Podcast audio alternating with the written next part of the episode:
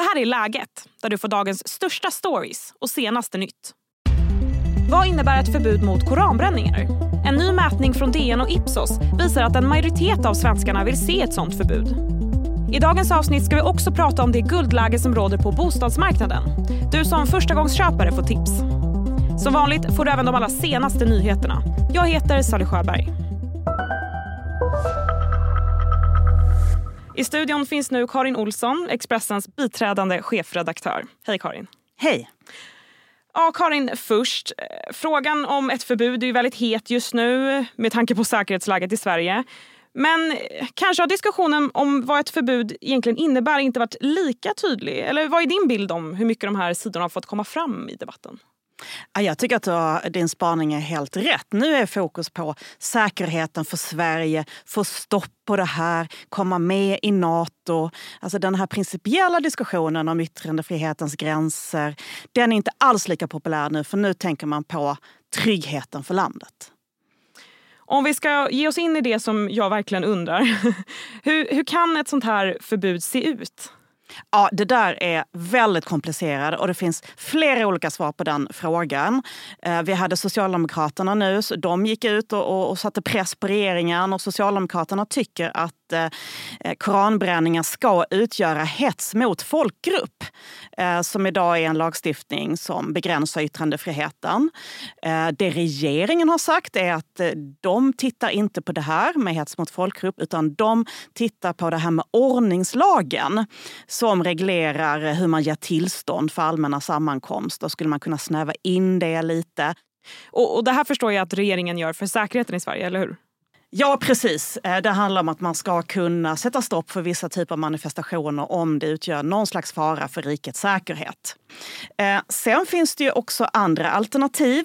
Till exempel har den kända statsvetaren Bo Rothstein, han skrev en debattartikel om att han tycker det ska bli förbud att bränna böcker som har ISBN-nummer.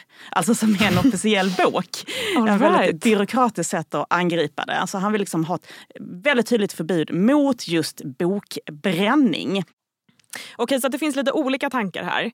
Men att beakta rikets säkerhet som regeringen vill låter ju kanske som något positivt för Sverige. Positivt om man, om man tycker att det är rätt väg att gå. Eh, det finns ganska många som inte tycker att det är positivt. Eh, eh, jag tycker att man ska vara lite försiktig här. För att jag tycker det är en sak att föra de här diskussionerna när man inte är under press av skurkstater som Iran och, och, andra diktaturer eller av terrorister som hotar oss. Alltså, det är en sak att ha en diskussion i ett fritt samhälle om hur ska vår lagstiftning se ut. Men nu har vi kniven mot strupen på ett sätt. Och då är det fel tid tycker jag att göra den här typen av ingripande lagstiftning i, som faktiskt påverkar en av våra mest grundläggande rättigheter, nämligen att tala och få yttra oss fritt. Alldeles strax så ska vi prata mer med Karin Olsson. Men först blir det en kort nyhetsuppdatering. Polisen har inlett en särskild händelse med anledning av de två explosioner som inträffade i Göteborg i natt. På tio minuter exploderade det både i Olskroken och i Kortedala. Händelserna utreds som allmänfarlig ödeläggelse. Sverigedemokraternas Richard Jomshof blir kvar som ordförande i riksdagens justitieutskott. Det eftersom att oppositionen inte lyckats samla majoritet för att rösta om hans position. Sen tidigare har oppositionen krävt hans avgång på grund av att Jomshof kallat profeten Mohammed för massmördare och slavhandlare. Minst 73 människor har omkommit i en brand i den sydafrikanska staden Johannesburg. Branden ska ha startat i ett flervåningshus i natt och utöver de 73 bekräftade dödsfallen har över 50 personer skadats. Det här enligt de senaste rapporterna.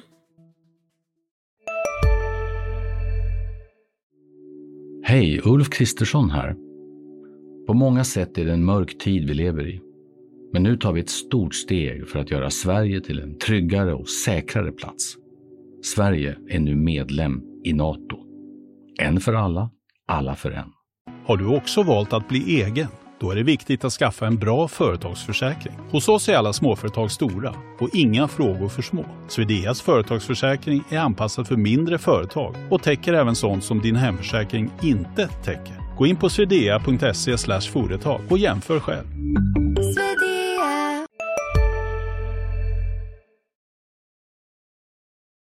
Och nu tillbaka till Karin Olsson. Är inte läget så pass allvarligt då att man måste agera mot koranbränningar i det här läget? Ja, det är också i betraktarens öga. Eh, och man kan också fråga sig hur stor är den här ilskan i de här muslimska staterna? Ehm, det, det, det, finns också diskussioner om att det här är påverkansoperationer, att det delvis är eh, överdrivet, att det är liksom vissa specifika aktörer som driver detta men att det, det, det är liksom ingen, ingen stor folklig ilska i de här staterna. Men det kan mobilisera terrorister, det kan mobilisera ensamagerande personer. Så det är klart att det är allvarligt att Sverige har då sett sig nödgad att markera ett nytt läge vad gäller eh, säkerhetsnivån i landet hur man värderar detta. Eh, menar, en del säger, ja men vad, vad har vi kvar att... Eh, jag menar, om, om, vi, om vi inskränker yttrandefriheten i Sverige, vi har en av världens mest liberala lagstiftningar, någonting som vi har varit ganska stolta över. Om vi nu ger efter för eh, trycket från eh, diktaturer och terrorister, vad, vad är då vår demokrati värd? Vet vi någonting om hur jag som privatperson skulle kunna påverkas av om den här om grundlagen ändras på något sätt? Utrymmet för att, att idka en viss typ av eh, religionskritik skulle bli insnävad.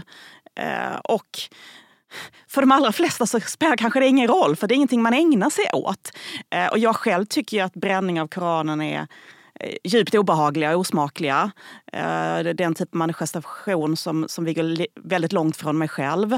Eh, men jag är väldigt mån om principen att, att hålla yttrandefriheten så vid eh, som möjligt.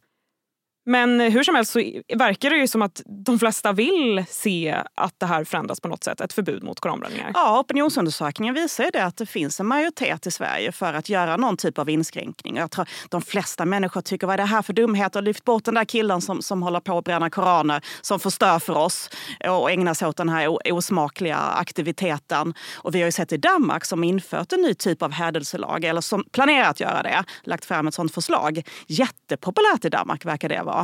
Eh, så att eh, ja, det finns ett starkt folkligt stöd för att göra något. Eh, det finns det. Tack Karin. Tack så mycket. Snart ska du som letar bostad få några värdefulla tips. Men först blir det fler nyheter. Utredningen om mordet på 31-åriga Caroline Hakim läggs ner.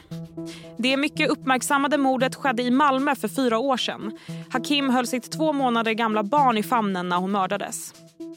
Åklagaren Lisa Åberg har lett utredningen men säger nu att det inte finns fler utredningsåtgärder att vidta.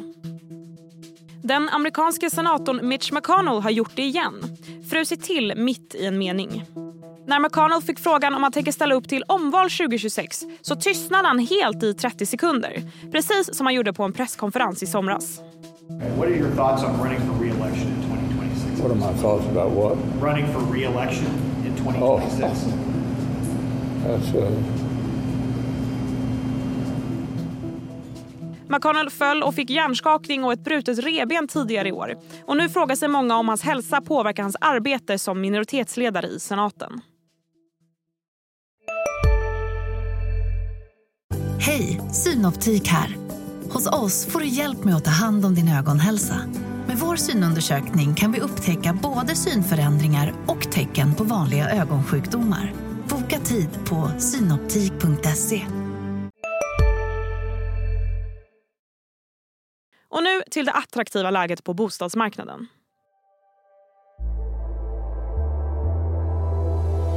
Det rapporteras vara guldläge för bostadsköpare just nu.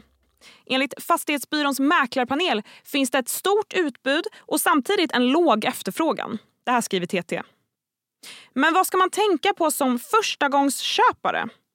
Ja, vi ska få några värdefulla tips av Joakim Lusenski som är analys och kommunikationschef på Mäklarsamfundet. Hej Joakim! Hejsan! Ja, Joakim, vad är din bild av hur mycket av köparens marknad som är just nu?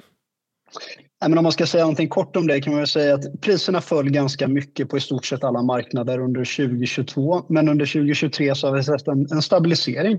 Det görs ganska få affärer om man jämför med tidigare år och affärerna tar generellt lite längre tid än innan. Om budgivning innan var något av en naturlag så är det långt ifrån självklart att det blir budgivning på alla objekt idag. Utbudet är ganska högt och det beror ju delvis på att det finns en hel del osålt på marknaden som legat kvar ett längre tag. Och är meningen att det finns mycket att välja på och att säljaren kanske inte riktigt kan ha samma högt ställda prisförväntningar som tidigare så är det köparens marknad. Men det kanske är viktigt att understryka att det inte är fråga om någon jätterea eller utförsäljning på bostadsmarknaden om man får använda den liknelsen. Jag förstår. Ingen jätterea i alla fall, men ett utbud som är större. Men hur som helst, du har tre värdefulla tips för den som ska försöka ta sig in på bostadsmarknaden för första gången. Och Jag tänker att vi ger oss in på dem på en gång. Ditt första tips handlar om att göra en kalkyl. Ja, helt enkelt ta reda på vad man har råd med. Ja, men precis. Både ekonomisk kalkyl men också kanske en känslomässig kalkyl om man får säga så. Eh, Eh, jag skulle säga att det, det handlar om eh, framför allt på att räkna på vad du har råd med, precis som du säger, och stresstesta den kalkylen mot olika scenarier. Till exempel ett ännu högre ränteläge än nu. Eh, så att man vet att man kan bo kvar även om läget förändras. Och har du möjlighet så maxbelåna dig inte. För det gör ju dig känsligare för prissvängningar på marknaden och du betalar inte heller lika mycket räntekostnader såklart om du inte maxbelånar dig. Men det, det är klart att det är långt ifrån alla som har, som har den möjligheten att gå, gå ner i belåningsgrad. Men eh, det skulle jag ändå säga är en viktig sak att ta med sig. Ditt andra tips är att faktiskt ge sig tid att hitta det man verkligen vill ha. Hur gör man det på bästa sätt? Jag tänker att det är viktigt att tänka på nu när utbudet ändå är förhållandevis stort att eh, du har ju ett utbud som syns på de stora plattformarna, Hemnet till exempel. Eh, men det finns också ett lite mer dolt utbud och det handlar ju om alla de objekt som man har lagt ut som på gång eller kommande. Mäklarna använder lite olika termer för det där. Och de finns då oftast bara på fastighetsmäklarnas hemsidor. Så Tänk på det dolda utbudet. Scanna av eh, mäklarnas hemsidor när du vet i vilket område som du vill bo och se om det finns någonting där som kan vara av intresse. Hör gärna också med mäklare som säljer mycket i det området där du vill köpa om de har någonting som skulle kunna passa dig. Och ditt tredje tips då? Den tredje kategorin eh, av, av mina tips handlar om att eh, undersöka objektet noga. Om vi föreställer oss att du har hittat hittat din drömbostad och du har gjort alla de här stegen så att du är väl förberedd och det är dags för visning. Då ska man vara medveten om att som köpare så har du i princip ansvar för allting som går att upptäcka vid en vanlig undersökning. Det betyder att du ska titta under mattor, du ska vrida på kranar, du ska fråga mycket vid visningen så att du verkligen vet vad det är du köper och att du verkligen har undersökt det här objektet. Mm. Och en sak som jag tror är viktigare än någonsin här då om vi föreställer oss att man ska köpa en bostadsrätt. Det är att man skaffar sig bättre koll på föreningens ekonomi. Det kan verka tråkigt men det är otroligt viktigt att ha koll på det där. Och att leta bostad första gången kan ju kännas som en kamp. Eh, men det går att ta sig in. Det gör det. Eh, det är klart att eh, det som är lite tråkigt är ju att det är på något sätt de som har en mamma pappa bank eller som har eh, sparat i, i eh, väldigt många år har ju ett bättre läge än de som inte har. Så det är lite ojämlikt på det sättet. Men det går absolut att ta sig in. Jag skulle också säga att på många sätt så är det ett väldigt bra läge att göra sin första affär. Om man föreställer sig att man ska vara på den ägda marknaden under en lång tid framöver. Så är det, om man ska återknyta till där vi börjar, på många sätt ett bra läge för förstagångsköpare idag. Tack snälla Joakim. Tack så mycket. Det var allt för idag. Glöm inte att följa läget i din podcastapp och skriv gärna en kommentar om podden också. Vi hörs imorgon igen. Då är det fredag. Tack för att du har lyssnat.